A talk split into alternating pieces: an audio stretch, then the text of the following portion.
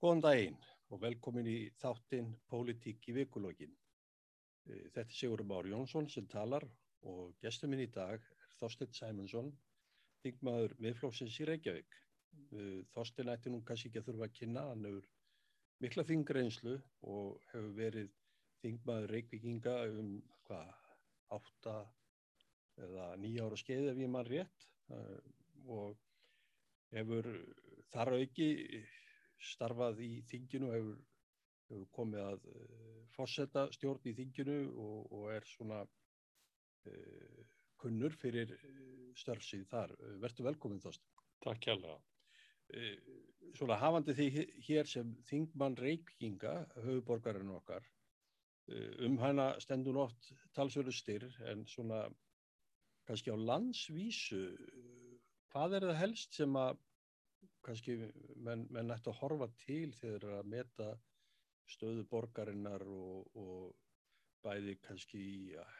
byggðaþróunarlegu tilliti og atvinnuþróun. Og svona eins og þú upplifir það kannski hvað, hvað brennur á þínum kjósendum? Svo ég orðið nú þannig. Já, sko, það er þannig bara svo ég leiri þetta á að fyrstu fjögur ára mín á þingi eða rúm þrjú því að því, því kjörtíðanbili laugs skindilega e, þá var ég þingmaður söðvörstu kjörtíðanis en núna er ég, er ég Reykjavík söður og ég sagði á sínum tíma þegar ég bauð mig fram sem þingmann í Reykjavík að það væri ekki síst út af því að ég hefði áhyggjur af stöðu höfuborgarinnar og það er svo merkilegt ef maður hugsaður um það að, að þetta stærsta sveitafélag á Íslandi sem ætti að hafa alla burði til að vera fyrirmynd í rekstri fyrirmynd í afkomu og svo framvegis með endalusa möguleika að höfuborgin okkar hún er í tætlum hún er, hún er svona í hún er svona í dödrum vegna þess að, að fjármálarstjórnin er náttúrulega afleitt og áhersluðnar eru afleittar og uh, það kemur ekki síst fram kannski eins og núna í þessu borgarlínu trúbóði sem ég kalla svo og uh, það er mikið þarfa verk að, að kynna borgarlínuna eins og hún raunverulega lítur út og ég vona að miðflokkurinn muni gera það núna næstu vikum að sína fólki fram á hvernig innan gæðsarlega borgarlínan virkar. Og ef þú hugsar það til dæmis að því að, að, því að hérna á sínu tíma uh, voru 4% sem að hérna, íbúðana sem að notuðu almenni samgöngur þá var sett um miljardur á ári af ríkisfið til þess að að, að lifta þessu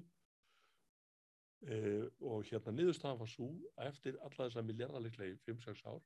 þá voru ennþá 4% sem notuðu þennan samgöngum á það. Nú ætla menn greinilega að láta sverja til stáls með því að lækka hámarsraða og, og reyna, reyna að binda enga, enga bílin á einhvern klafa og þetta er reyndar sko komaðins í í andlitið á mönnum greinilega vegna þess að strætósaði við getum ekki hérna fungerað á, á þessum hámarsraða sem er verið að bóða nema þá að fáum fólk á ljósum og eitthvað svo leiðist og það er nú einmitt það sem við erum búin að tala fyrir það það að ljósið verði almenlega stilt og, og uh, það stóð til að kaupa stíð kerfi hjá Reykjavík ef ég maður rétt þá grúðaðist það útbóð eins og fleiri og uh, hvort að menn alltaf er að komast hjá því að fara í útbóð þannig að sko afkasta aukning gatnakerfisins þannig væri 20% og síðan er ég búin að sko viðra prívatskoðin í nokkuð mörg ár sem engi vil reynda að taka undir. Að ég, ég hef lagt fram þá hugmynd að, að við ættum kannski að, að taka ringbröð miklubröð frá njarðargötu að ártúrsbrekku og gera hana að, að hérna, einstöfnarsturs götu til austurs eða söðurs verður því hvernig þú tekur átt hennar og taka þá sæbröðina frá frá hérna ártúrsbrekkunni í hináttina sem einstefnu. Með þessu myndur við fá e, mest átta eða 6 til 8 agreinar og fjórar þar sem minnst væri, þar að segja í kringum klabratúna þar og, og e, þeir er ekki að fara í stokk vegna þess að sko borgarstjórnir Reykjavík hann er allra manna færastur í því að, að láta aðra borga reikningin. Ég myndi ekki vilja fara með hann út að borða til dæmis alveg klálega en, en sko hann er búin að segja það er ekkert mál að leysa þessi, þessi, þessi hérna, samgöngumál með því að setja miklubröð í stokk og setja sæbröð í stokk. Þetta eru miljardar framkvæmdir hvort og ekki en hann ætlar ekki að borga þetta. Það er, það er landið alls sem á að borga þetta. Og það eru fullt af vísumönnum eins og Dr. Jónas Eliasson og fleiri e, sem hafa komið fram og benda á hvað þetta er, hvað þetta er illa e, hérna, e, hérna áallaf og mér langar bara aðeins til að taka örstuð svo ég haldi áfram svo fyrir ég, ég annað að hérna þessi fyrsti áfangjubókaninu sem hefur verið kynntur sem á að vera frá ártúsafða og hingastur í Hamraborgi Kópói þar sem við sittum núna e, á að fara sem sagt nýður ártúsbrekkuna og þar á að riðjur vegi öllum atvinnurestri sem þar er núna og setja hann ekkert sem ég veit ekki hvert. Upp á esjumela, ég veit ekki hvert. Nú fyrirtæki hafa líka flúið að hann og eitt til þólarsaflan til dæmis, kom minna það á eittir e, síðan á að fara niður Suðlandsböld, niður hverfiskötu með 20 metra langa vagna. Niður hverfiskötu og upp hverfiskötu líka því þá að breyta henni í heimstæfjarskötu það kom hún ljósum daginn. Þá að stúta öllum bílastæðum við hverfiskötuna það af fólki sem er nýbúið að kaupa íbúðir, litlar íbúðir fólk sem er að byrja, fólk sem er, já, er ung börn. Og það er að fara þessi 20 tónar fer líki hérna framjá, fram og tilbaka á 7 minúti verðasti síðan lækjagötu yfir brúna við skótus hérna, á skótusveginum og það kom líki í ljós bara nú um daginn að menn sögðu já, kannski það bara endur byggja brúna. Þá þarf að fara að raska tjörninni. Þannig að og, og, og síðan á hann að liggja sér um, með fram hálfkválunum í Reykjavík og á brú sem reyndar klúðaðist útbóðið á líka yfir, yfir skerjafjöðin og hún á að enda með því að fara hérna í 60 ára gamla húsagötu í Kópavöginum sem heitir Borgarhalsbröð og við menn allir keira þessa 20 metra hérna löngu vagna þarum í, í húsagötu frá 1960 Þorstið, þú nefndir að þetta byggir á þetta samgómulagi við ríkið og hugsalega og, og að einhverju leiti sveitafélagin hérna á höfuborgarsvæðinu en maður hefur einmitt á tilfinningunni að, að það séu svona koni brestir í, í þetta samstarf hjá hínu sveitafélagun og eins og þú, að því þú reiki hér fjölmjörg skýr dæmi um hvað aðgerðin og átunum allir vanugsuð menn hafa bara ekki hort í hinn smáadriðin sem að kosta síðan alveg óherilega fjármunni eins og þú nefnir þegar menn byrja að tala um að setja vegi í stokk sem er náttúrulega alveg gríðarlegar framkvæmdir og dýrar. Heldur og eins og segi þetta byggist náttúrulega samkófla einhver leiti við ríkið. Eru er forsendur að standast í því samkómulega hva, hva, hvernig metur það? Sko samgöngu sáttmálinn svo kallaði sem var samþittur alþingi í fyrra. Eh, hann er eins góður og hann getur orðið vegna þess að við miðflóksmenn börðumst fyrir því að breyta honum. Og við rættum hann í þaula kolluðum það málþóf en við séum að rættum hann í þaula og það sem kom út úr þeim umræðum var það að honum var breytt á þá lund að í staðin fyrir það að borgarstjórunni Reykjavík fengi ótildan tekka til að gera hvað sem hann vill í samgöngumálum þá þarf hann að eiga við ríkið í, í hvert og eitt sinn. Og fjármálar á þeirra, það er svo merkilegt að fjármálar á þeirra, þegar hann var spurður út í þennan samning, þegar það var búið að samþykja hann, þá var það fyrsta atriði sem hann tiltók í því hvað samkómulagi var í gott. Það voru þessi atriði sem við vorum búin að berjast fyrir. Ekki sjálfstæðisflokkurinn, ekki sjálfstæðistingmenn, hún bara miðflóksfólkið sem að barðist fyrir þessu. Þannig að það var gert svona eins og maður segir það skást á úr þessu. Það sem hins vegar blasir við þetta að sko borgarstjóri hann virðist líta á samkúmulög eða samninga eins og hlaðborð. Það er að segja hann uppfyllið það sem hann líkar annað dettur út af. Það sem er að dett út af hjá honum núna eða það sem hann er að reyna að, að, að, kæfa með öllur ráðum það er sundabröðin sem er náttúrulega einn af stærstu þáttónum í, í þessu samgöngu sáttmála það hefur líka verið tafaleikir í gangi varðandi, varðandi mislæg gatnamót, til dæmis e, bústaðavegur breyðhólsbröð til dæmis, eða Reykjanesbröð, allir neytið það ekki þar. Og, og hérna, síðan er náttúrulega eitt að því að samgöngu sáttmannum sem slíkur, hann tekur jú til allra samgangna og hvað er borgarstjórun að gera við flugvallin? Hann er að reyna að kirkja hans smátt og smátt. Og, og með þessu sem við nú hefur verið að skipulegja í skerjafyrði og á að komast á koppin að þá má segja að flugvöldurinn sé fyrir bí ef að menn sko standi ekki lappinans og, og þá kemur það aftur og, og hérna fjármálur á þeirra sem betur fer búin að ítrekka það að ef að sundabraut verði ekki sagt, á planinu meðfram borgarlýrunni þá sé samgöngusáttmálinn í uppnámi. Maður verður var við að því hún nefnir sundabrautina sem er uh, mjög mikilvæg samgöngubót á allalund og, og skipulagslega mjög mikilvæg fyrir framþrófum borgarina og sumuleiti má setja hana líka í samhengi við að við erum með eldgóðs núna á Reykjanesinu, við þurfum að huga þeim sem öðrum þáttum, ég, ég, þetta er nú ekki vera neitt ræðslu spjall en, en það er við verðum að horfa raunsætt á málina og það, það væri raun og veru gott að hafa sundabrautina nú þegar. En hún er skipulasatur en, en maður heyrir maður heyrir til dæmis uh, til þess formaður skipulagsnefndar í Reykjavík hún hefur engan á, á sundabraut og meiri hlutin veriðist gera allt til þess að tefja hliðraði setja það aftar í röðina og hvað eina. Uh, þú, hvernig er þetta að takast á við þetta? Sko eins og ég segja þá, þá reyndum við að setja undir þetta með þessu móti og auðvitað höldum við áfram því að hamra á því að til dæmi sundabraut verða veruleika. Það er að vísu búið að skerða sundabrautina verulega vegna þess að það er búið að taka bestu landtökuna, Reykjavíkum eigin, undir, undir íbúabið sem að uh, var sett þar upp í nafni þettingar og, og, og sem sagt eins og vel flestar framkvæmdir í Reykjavík núna undanfærin þó nokkur ár á vegum mjög fjársterkra fjárfesta Eh, sem að taka sér allt skipularsvald og, og í, í samráði við borgarstjóra og, byggja hér heilu hverfin. Sko, núna er þetta þannig að, að samkvæmt nýjustu tillögum á sundabröð að koma upp Holtaveg. Það sé rétti á Holtagarða þar sem að, þar sem að hérna, bónus er til dæmis núna. E, það þýðir það og mjög dæmigert fyrir borgina.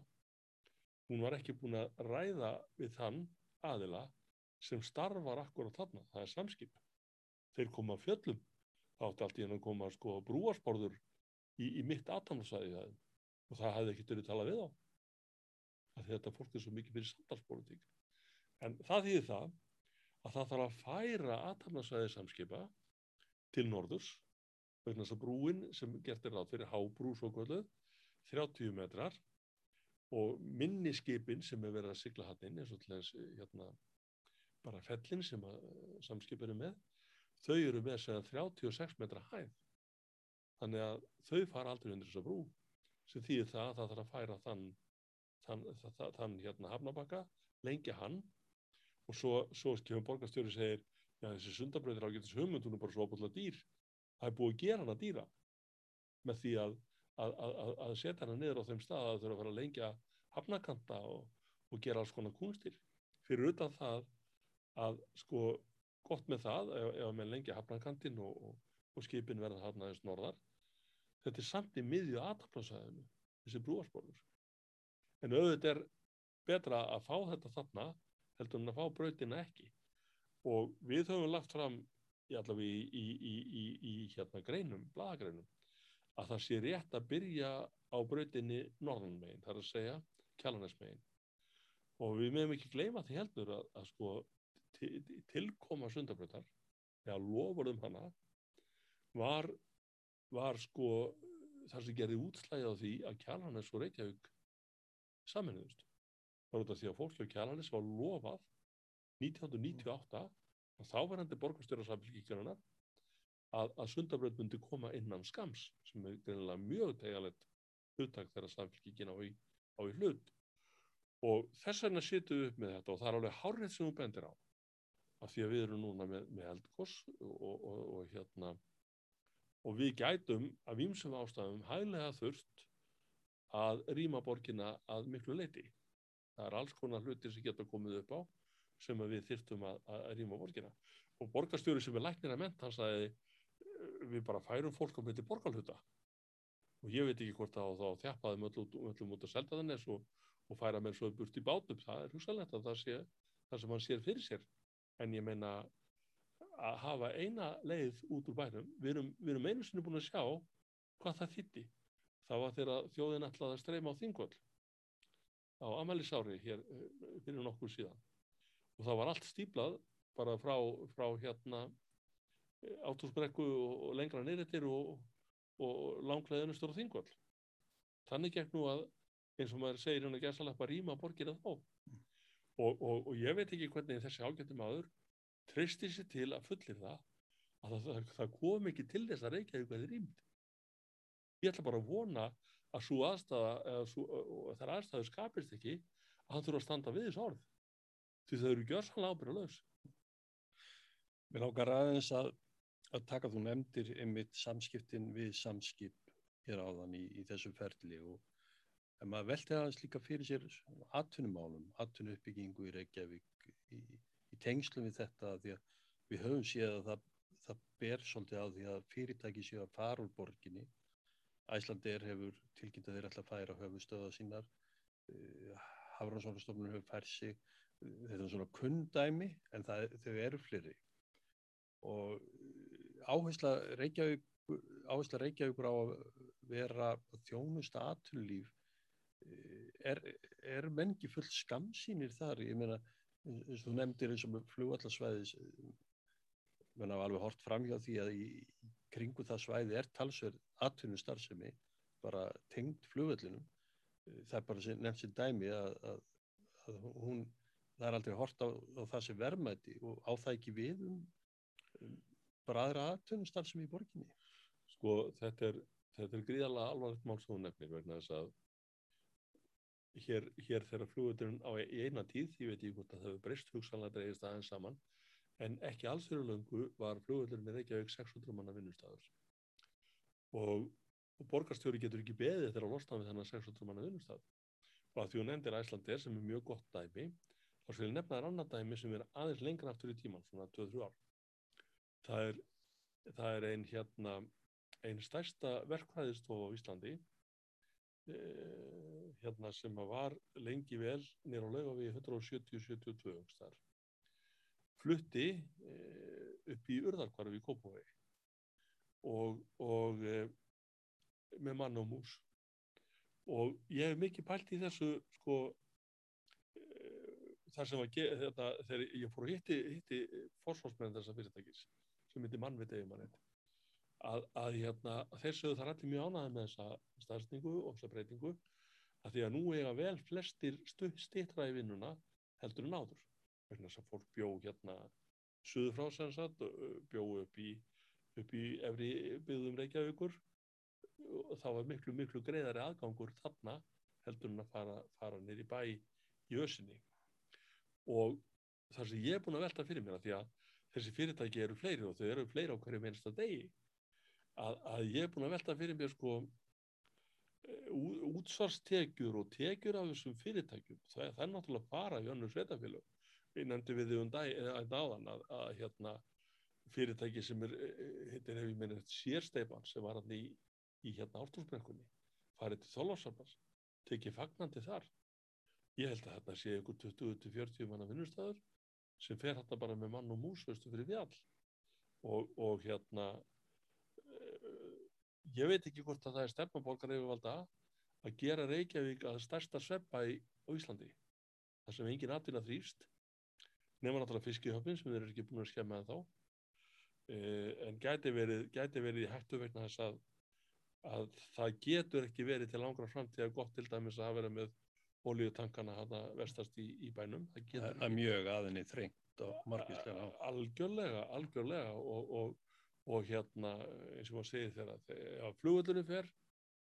uh, menn hafa að tala mikið um vísendathorpið í Varsmíninni jú, mikið lóskup þar er, er, er uppbygging og sem að menn reynda að vita ekki hvað áhrif hefur á, á Varsmínarnas líka. Mm. en þar er vissilega uppbygging og, og ríkistjóðin var nú að hjálpa til núna með því að leggja nöður í intaknistofn sem var gert í gær ítlöðili gegn mótmælum okkar allra í stjórnarstöðinni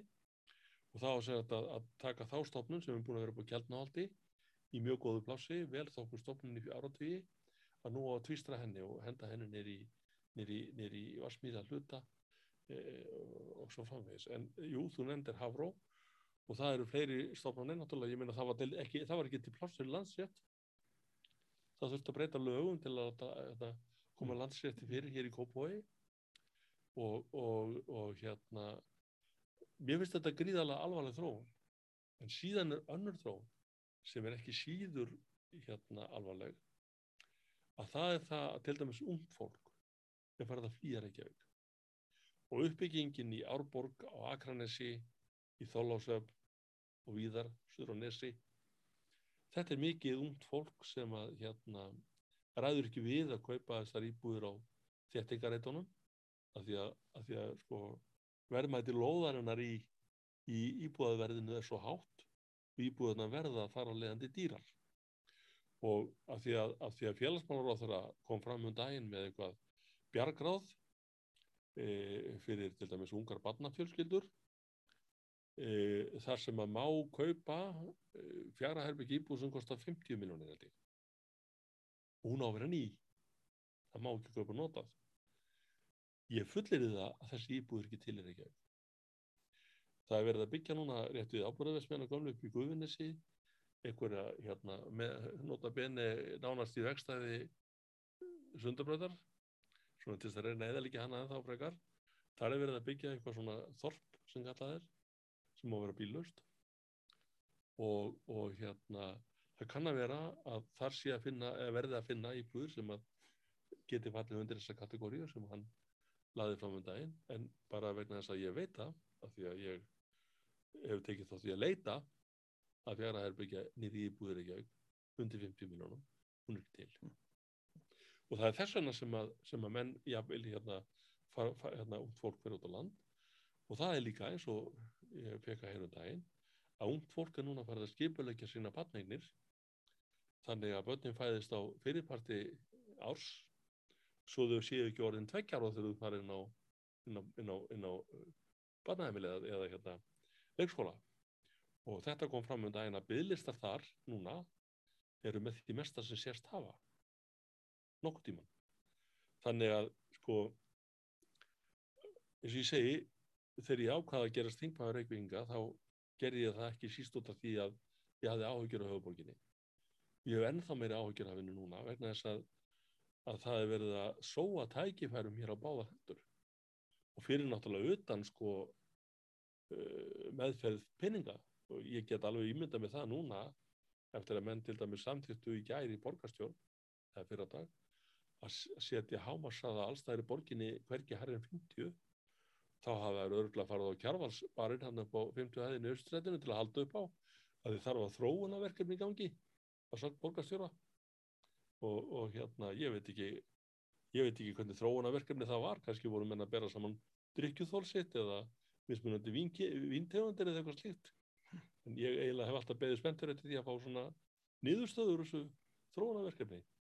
Það er margt sem kemur undarlega fyrir sjónum. Ég langar aðeins að, að beina umræðinni yfir í annan farmi en ekki síður mikilvægan og sem eru málefni aldraðra. Og það er málflokkur sem þú hefur látið til þín taka í og miðflokkurinn legt mikla áherslu á. Við, sem betur fer eh, eldist eh, það eru þetta í, í senn jákvætt en hefur sínar afleðingar líka uh, dæmi um betra helsufar og, og auki langlífi en setur um leið uh, áskoranir á samfélagið að, að takast á við þetta þannig að, að þessi tími verði sem uh, ánægulegastur og, og innihalsríkastur fyrir þennan þjóðfélagshóp sem að sannlega búin að skila sínu til samfélagsins. Hva, hvað finnst þér svona mestu áskoranina sem að fylgja því að, að takast á við eh, öldrun þjóðarinnar og að gera það nú sómasamlega? Sko, í fyrsta lagi þá var um það leiti sem ég byrjaði í politík. Þá töluðu minn alltaf um málefni aldrar og örkja í einni búblu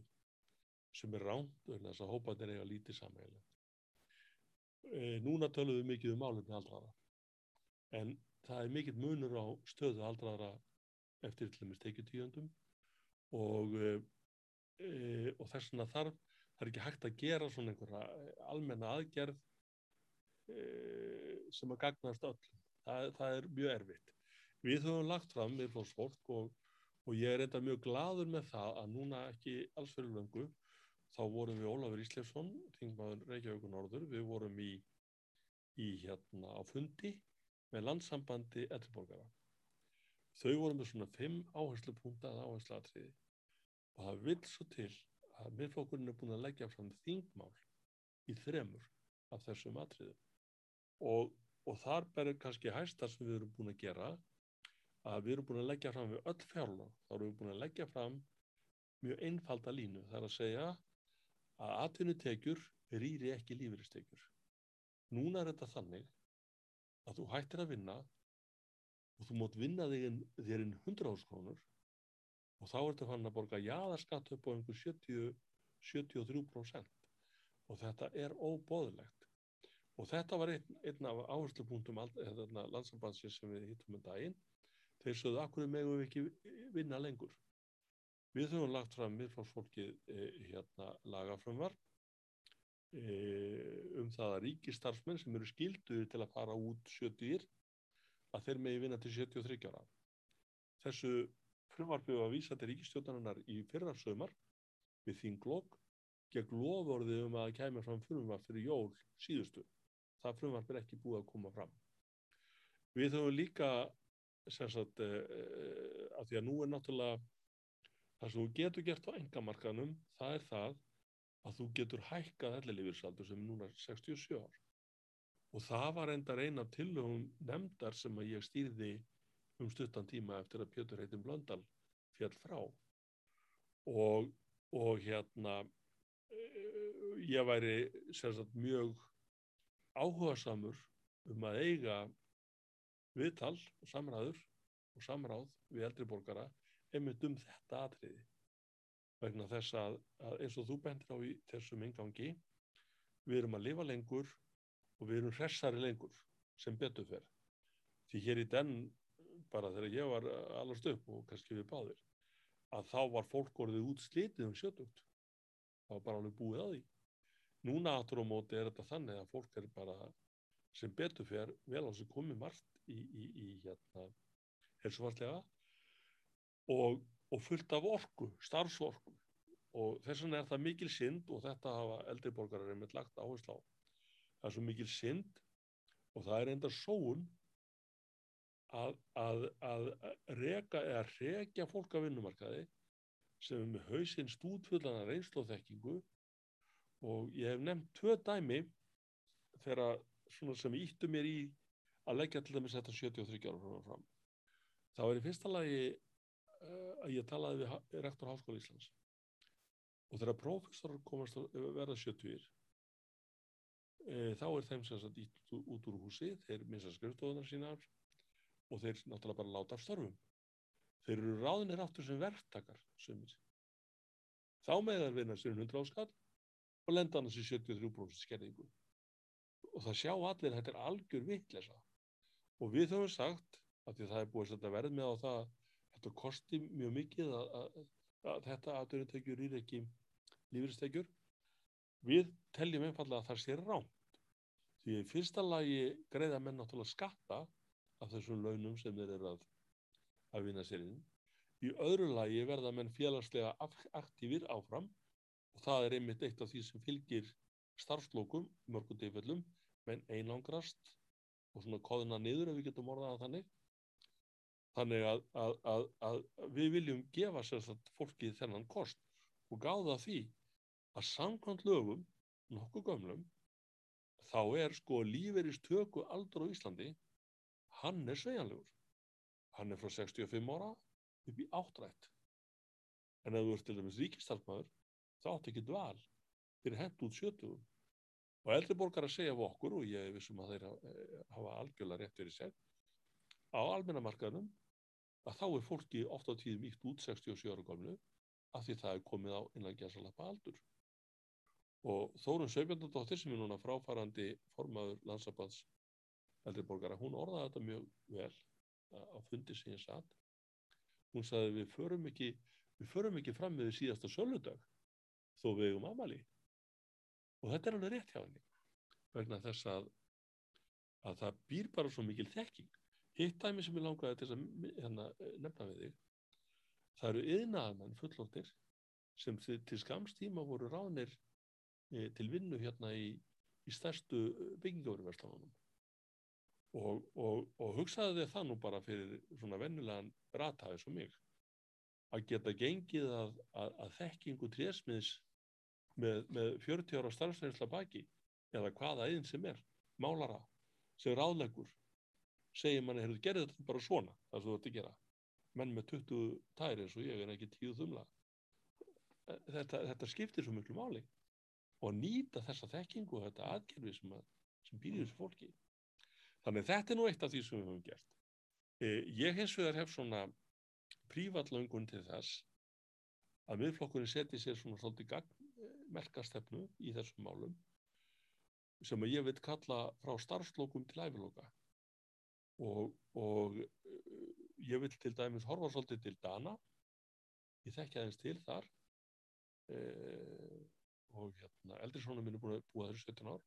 og er núna að starfa þessu málum fyrir dönsku sveitastóttarsamtökin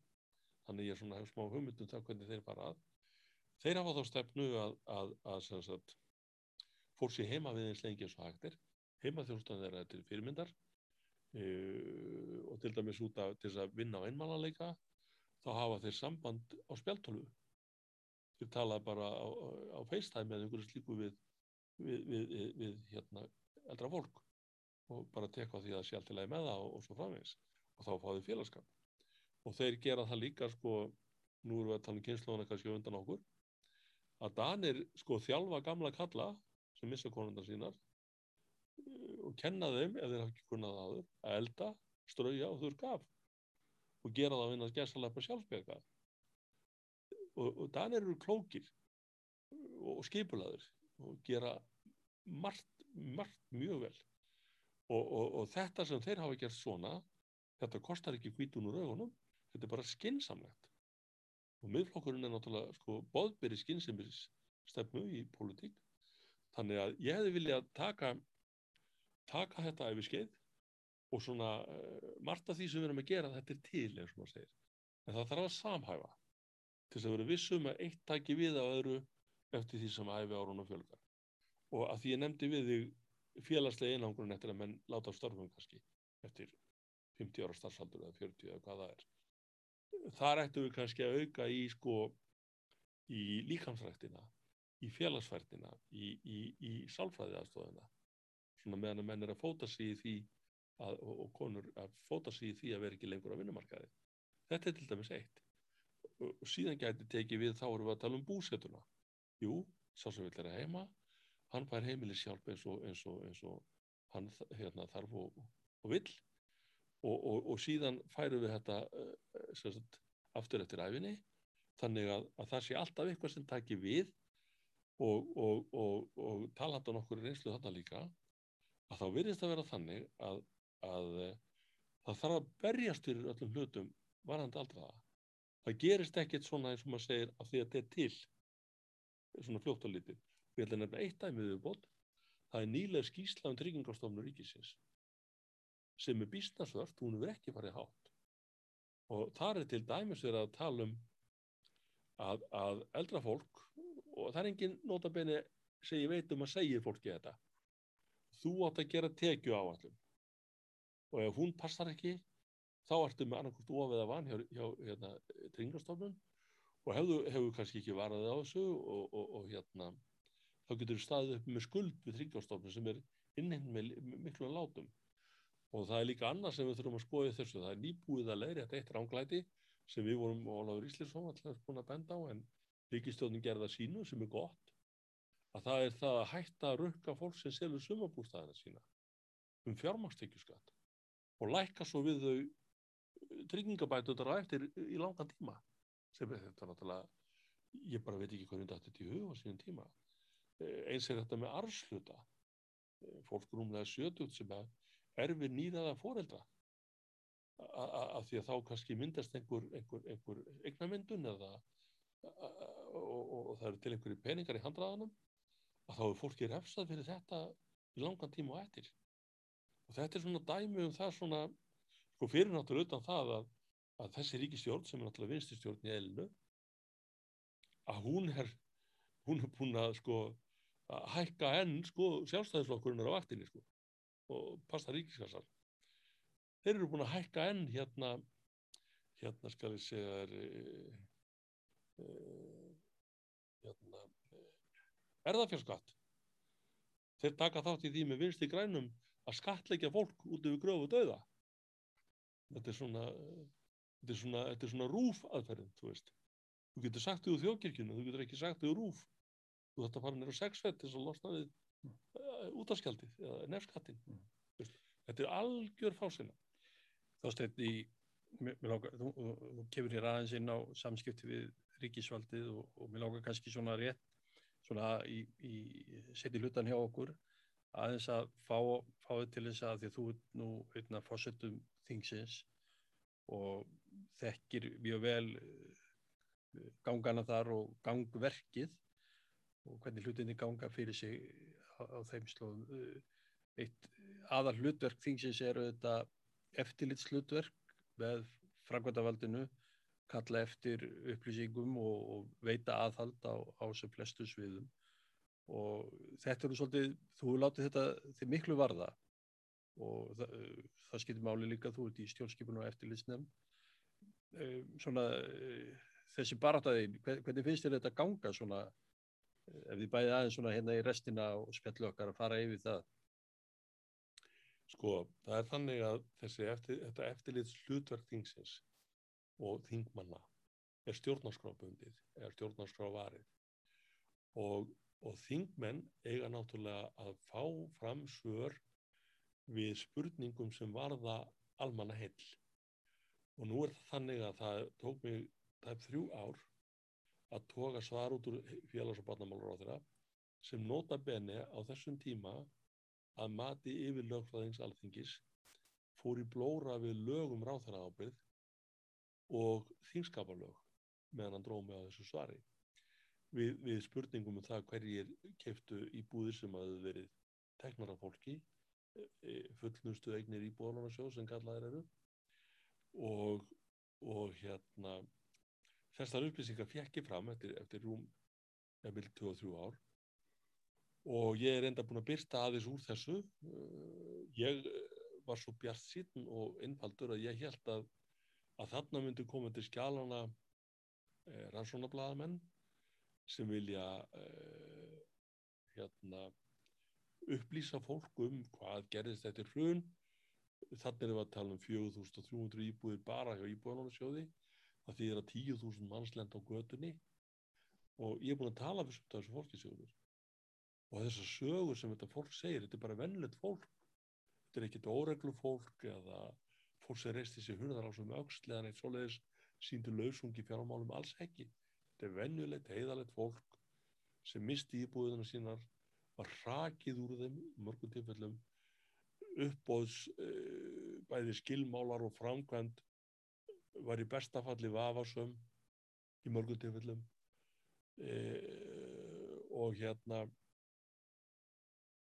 og það er enginn sem að stendur upp til varnar þessu fólki. Og eins og ég segi fjölmjölamenn á Íslandi hafi ekki áhuga á þessu 10.000 manna hópi. Og hann er ekki bara 10.000 manns. Þetta eru bara eignir sem að að Íbúðanarsjóðu tók. Að spyrja út í landsbankan fekk ekki svar við því af því að, af því að hérna eh, samkvæmt svari fjármálaráðanindisins er landsbankin ekki þjónustu fyrirtæki ekki þjónustu fyrirtæki samkvæmt samningi við ríkil ég er endur að grafa aðeins í þessu máli vegna þess að ég er algjörlóð samála og tel að samningur sem var gerður millir LBE á sínum tíma eftir fall bankana og ríkisins á þeim tíma einmitt undistrykki gegn sæð og þörfin á því. Þannig að ég er ekki alveg hættur í því en, en sko við veitum, veitum ekkert um Dróma við veitum ekkert um Arjón, Ólaf Ísleifsson er búin að spyrja um þetta líka mikið. Við veitum ekkert um Íslandsbanka þannig er fjöldi fólk sem að misti sínar eignir og gáða því að fólk var að missa eignarna sínar á hrakverði og öll þau fyrirtæki sem hafa fengið innan gæðsalapa að kaupa þessar eignir efnaðarstreikningar þeirra hafa bólnað út síðan þau keftu þessar eignir. Og það er alveg ótrúlega að sjá þetta. En eins og ég segi, þetta er mjög tímafægt að það þarf eiginlega að skoða hverja sölum Mhm. hvert mál út af fyrir sig og miðflokkurinn hefur náttúrulega ekki mannafla til þess út af fyrir sig að fara í þetta. E, fyrir auðvitað það að, að sko uh, blaðamenn standi ekki hérna á tröppunum sko til að byggja okkur um að koma við talendilega eins og kom fram um daginn í svari við fyrirspurn sem að hinga Sæland laði fram. En, en, en hérna eh, við erum ekki að væli við því. En það er hins vegar finnst mér ótrúlega sérstakt að, að fjölmiðlar og þá er ég að tala um sterkar stóra fjölmiðla tala nú ekki um fjölmiðl í almanægu að menn skul ekki hafa áhuga á örlugum þessa fólks. Mm. og ég í mínu þess að ég var að reyna að berjast fyrir á sínum tíma í þessu var í fyrsta lagi það að þetta fólk fengi rödd. Það er hlustað á það. Það hefur ekki gerst það þá e, við reyndum að halda fund með þessu fólki. Ef COVID ástandinu líkur einhvern tíman á næstunni þá getum við hugsalega gert það að því að viðflokkurinn er búin að komast þér upp glæsilegu húsnæði og ég vona að það verði hægt þá verður það gert. En, en þetta sinnuleysi finnst mér alveg bara ótrúlega vegna þess að sko við Íslendingar eru búin að kortleggja ágætlega vel það sem gerðist fyrir hrun. Við erum búin að kortleggja eins og rannsóna skýrsla bankana, mjög góð sparisjóðana síðri um íbúar svona sjóð bara politist plagg sem var nú ekki peninga verði en allt í lagi með það. Við erum samt búin að leitast við að kanna þetta en það sem gerist eftir hrun. Engin áhugi. Og hvað gerist svo? Tveir þingmenn samfélgíkarna stíga fram núna að því að um daginn lögðum við hérna miðflóksmenn fram eh, Ólafur Íslesson í farabróti lögðum fram skýslubeðni um mat á, á, á, á áhrifun hrunsins á heimilin í landinu. Og það stökkva fram tveir samfélgíkarþingmenn og, og tala um flökkusögur okkar, okkar miðflóksmanna um allar þessar þúsundir sem mistu íbúðuðar sínar. Sko samfélkingin hefur aldrei haft áhuga á íslenskum heimilum. Það kom fram í hruninu eftir hrunið og enn þann dag í dag. Enn þann dag í dag. En uh, þú hefur einmitt verið að bóra í svona málefni í gegnum uh, þessa, uh, þessi tæki sem að þú hefur til þeirra. En svona kannski bara rétt í lokir almennt, er, er þarf að styrkja þingið meira í að, nú segja stuðmir það það, það er mikið af starfsmönnum þannig hjá þinginu og alls konar tæki og tól, umbóðsmaður, alþingis, hann reyndar ekki undir beinni stjórn, þingsins náttúrulega, sjálfstæða vilja, en þarf að styrkja eitthvað alþingi til þess að, eh, að fást betur við eftirlýslutur sitt? ekki bara það sko, alþingi hefur og pólitíkin hefur eins og Sigmundur Davíð hefur bent margóft á. Og ég ætla að nota tækifærið núna að því við erum að tala þetta saman til þess að byggast enn og aftur afsökunar á því að hafa stutt lög um opið fjálmál á sínum tíma. 2015-16 eitthvað. Stórminnstök, stærsta valdaframsal frá pólitík til embætismanna og, og málega er það að sko við þurfum nú ekki að leita langt núna í COVID ástandinu sko þegar helbriðistáður er spurð hvað á að gerast næst þá segir hún ég er að býða til minnisblæður frá Þóróli og að þjóðin býður til því og, og það veri kannski sko í sjálfu sér best fyrir okkur þingmenn í því máli að geta að tala bara beintið Þóról sjálfan en ekki eitthvað búktalara. Og ég, nú er ég ekki að gera lítið úr því sem sá ágætti heiðusmaður hefur verið að vinna. Ég er bara að segja að, að, að menn eru að láta frá sér sko fyrsta lagi sem sagt pólitíska stjórn og í öðru lagi ábyrðina og, og, og heilsufar er eitt og ég ber virðingu fyrir því að menn, menn hérna hlusti á, á, á sérfræðinga þar í en það er ímissu önnur svið sem við hérna eins og til dæmis bara fjármálasviðið eins og sko fjárlaga vinnan á alþingi. Ég hugsa að alþingi hafi svona áhrif að hugsaðlega 1% af því sem er í fjárlagunum og, og, og eins og ég segi lögum opið fjármál þau gera það nánast ómúlegt sko mér sem fyrir ráþæra hann þarf örgulega nokkur ár til að snúa þessu olíuskipi við. Þannig að auðvitað þarf að styrkja alþingi þarna og, og, og það þarf að, að, að svona að gefa okkur kost á því. Við hefum náttúrulega orðarstafir á þeirra oft á tíðum um hitt og annað tvisari viku og þá kemur oft svona, getum við stungið á málum sem eru ábyrjandi og, og, og alvarleg það breytir ekki því að, að við þurfum, það þarf miklu meira gegnsæði í þetta sem við erum að gera og ég ætla bara að nefna aftur að ég var að tala um landsbankan. Á sínum tíma var ég fyrsti og, líklega, og lengi eini þingmaður sem rætti sölun á borgun sem að landsbankin seldi nánast einhvern mönnum sem bönguð upp og sögðust að við heyrta borgun verið til sölu. Ekkert útbóð, ekki neitt. Og það, það máli lifandi ennþá, vegna þess að, að nú á að fara að selja hlutabriðið í vísa og þá fá einhverjir peninga í vassan sem að sem að keiftu borgunarhlutin af ríkinu fyrir spotprís. Þannig að eins og ég segi, þarna gengur þetta áfram. Jú, Landsbanki Íslands er hlutafélagi eigur ríkisins að 98,3%. E, það fær engin þingmaður að fara á aðalfund til að, til að spyrja af hverju þetta og af hverju hitt. Til dæmis af hverju Landsbankin að byggja höfustofar sem eru tveim, tveim númurum og stórar á dýrustu loð á Íslandi fyrir 12 til 15 miljardar eða hvað það endar. Og ég er tilbúin í það prívat að leggja til bara fyrir næstu kostningar að það veri þetta kostningamálum að landsbankin selji þess eign. Hann er á leið í, í, í slag á leikumarkaði með atvinnuhúsnaði Reykjavík í Ríkisbankin sem á að vera að passa peningan okkar og, og, og, síðan eins og ég segi að þingmaður sem er jú fulltrúi fórstins í landinu allavega þeirra sem kvöðsan og ég lít nú á, á mig sem, sem fulltrúa alls almennings í landinu hann fær ekki að vita hvað varðum eignir sem að landsbankin hýrti af, af, af hluti almennings. Þetta er náttúrulega ekki báðlegt. Þósteit, það er greinlega nóg að gera í eftirlitinu með framkvæmdavaldinu og því sem er að gerast á einu stóra sviði og þú hefur verið ódegur við það. En það komið að lokum hérna hjá okkur í dag. Ég þakkaði kellaði fyrir komuna Þósteit Sæminsson. Uh, þetta er politík, þáttur um politík í vikulokkin og Sigurum Ári Jónsson þakka fyrir. Ég þakka kellaði fyrir.